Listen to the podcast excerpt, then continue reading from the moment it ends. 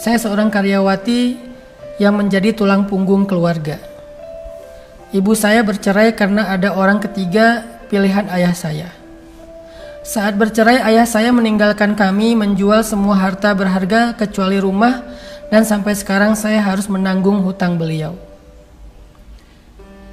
Adik saya cacat berusia 9 tahun karena waktu hamil ibu saya sering mengalami KDRT saya sendiri memiliki anak dua orang, tujuh tahun dan dua tahun. Rumah tangga saya juga kandas karena suami saya seorang yang pelit dan ringan tangan, sering KDRT juga. Bahkan saya sampai sempat mengalami luka jahit di kepala, leher, dan sering memar-memar di anggota badan yang lain. Saya bercerai sewaktu saya masih hamil anak kedua. Saya menerima gaji sebesar 3,6 juta dalam pekerjaan saya. Tapi dipotong hutang ayah saya di kantor jadi cuma sisa 1,7 juta.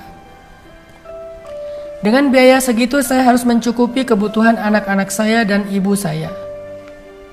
Ibu saya sendiri sekarang berjualan di sebuah sekolah SMP dengan warung kecilnya. Tapi dalam kondisi pandemi seperti sekarang, maka penghasilan ibu saya turun drastis. Musibah ujian selalu datang, ada pihak yang menagih hutang ayah saya. Saya harus membayar hutang tersebut sebesar 15 juta. Akhirnya saya pinjam Akhirnya saya pinjam ke koperasi kantor dan dipotong gaji saya tiap bulan. Saya tidak memiliki gaji lagi dan minus di kantor. Beralih di topik utama yang ingin saya tanyakan. Saya berkenalan dengan seorang lelaki datang dari perusahaan penanam modal perusahaan saya. Dia seorang non-muslim. Pertemuan kami singkat sekitar tiga minggu. Dia berada di sini. Kami dekat, dia baik. Sejak saya bercerai, saya sangat down, hampir putus asa. Tapi saya selalu sabar menghadapi semua. Setelah saya bertemu dengan laki-laki ini, saya benar-benar merasa hidup kembali.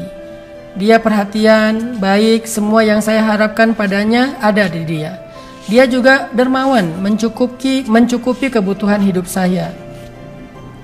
Sehingga akhirnya kami LDRan. Dia ada di Kalimantan.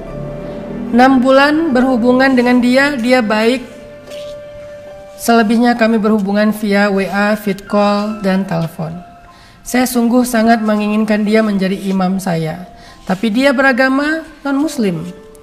Bolehkah saya berharap dengan berdoa selalu meminta agar dia mendapatkan mukjizat, mendapatkan hidayah kepada Islam?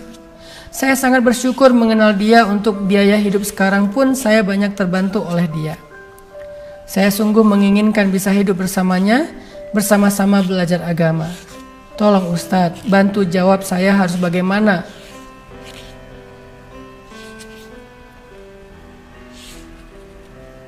Bagaimana kehidupan terus berjalan? Saya ingin ada yang membimbing saya, ada yang menafkahi saya. Jujur saya lelah selalu dapat ujian. Innalillah wa inna ilaihi raji'un.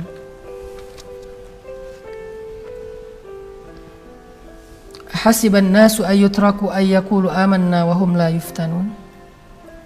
Walaqad fatanna alladhina min qablihim fala ya'lamanna Allahu alladhina sadaku wa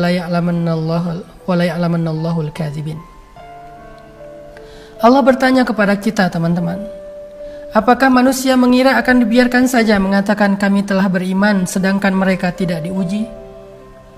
Padahal kami telah menguji orang-orang sebelum mereka sehingga Allah akan melihat siapa dari mereka yang tulus keimanannya, siapa yang basa-basi.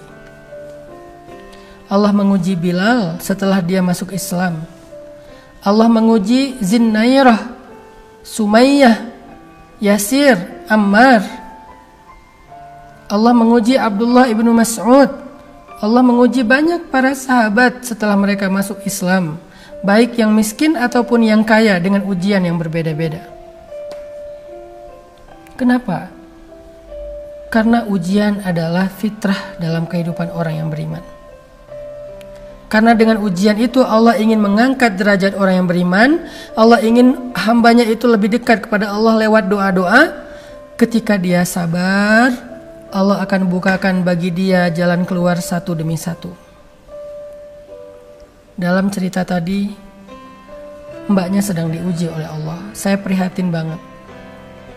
Benar, ini ujian yang berat. Menjadi tulang punggung bagi ibu dan keluarga kita Sementara adik kita dalam keadaan cacat karena KDRT orang tua kita harus membiayai anak-anak yang juga sendiri single parent. Ayahnya meninggalkan hutang yang harus dibayar. Dia bekerja tapi tidak mendapatkan gaji karena dipakai untuk membayar hutang. Berat memang berat banget. Latai asma jangan berputus asa. Berharaplah kepada Allah jangan kepada makhluk. Sabar Semakin berat ujian yang Mbak alami, berarti semakin dekat dengan pertolongan Allah. Seperti malam, semakin pekat, semakin gelap, semakin hening, semakin sunyi, semakin dingin, berarti semakin dekat dengan waktu subuh. Isbiru wasabiru, bersabarlah dan kuatkanlah kesabaran. Jangan pernah terfikir untuk tergoda mengikuti seseorang yang berbeda keyakinannya dengan kita hanya demi untuk menyelamatkan urusan dunia kita. Kenapa? Ketika kita menyelamatkan urusan dunia kita dengan mengikuti seseorang yang berbeda keyakinan dengan kita, berarti kita telah menggadaikan urusan akhirat kita. Padahal kehidupan dunia cuma sementara, sedangkan kehidupan akhirat selamanya. Bagaimana mungkin na'udzubillah kita mengambil sesuatu yang cuma sebentar dan mengabaikan sesuatu yang abadi. Kita mengambil kebaikan, kesenangan dunia yang sebentar untuk mendapatkan azab yang abadi kekal di akhirat. Ini bukan pilihan yang tepat. Ini bukan pilihan yang baik, yang bijak. Bersabarlah. Doakanlah semoga laki-laki itu mendapatkan hidayah. Tetapi jangan beri hati dulu sebelum halal. Dan jangan halal kalau berbeda keyakinan karena haram kita menikah dengan orang yang berbeda keyakinan. Kita menghargai keyakinan mereka, kita menghormati hak-hak mereka beragama, tetapi kita nggak boleh mengikuti keyakinan itu. Lakum dinukum waliyadin. Kalian punya keyakinan, kami punya keyakinan. Dalam keyakinan kita, dalam agama ini kita meyakini inilah jalan yang membawa kita ke surga. Makanya Allah berfirman di dalam Al-Baqarah ayat 221. Wala tunkihul musyrikin hatta yu'minu wala 'abdun mu'minun khairum min musyrik walau a'jabakum.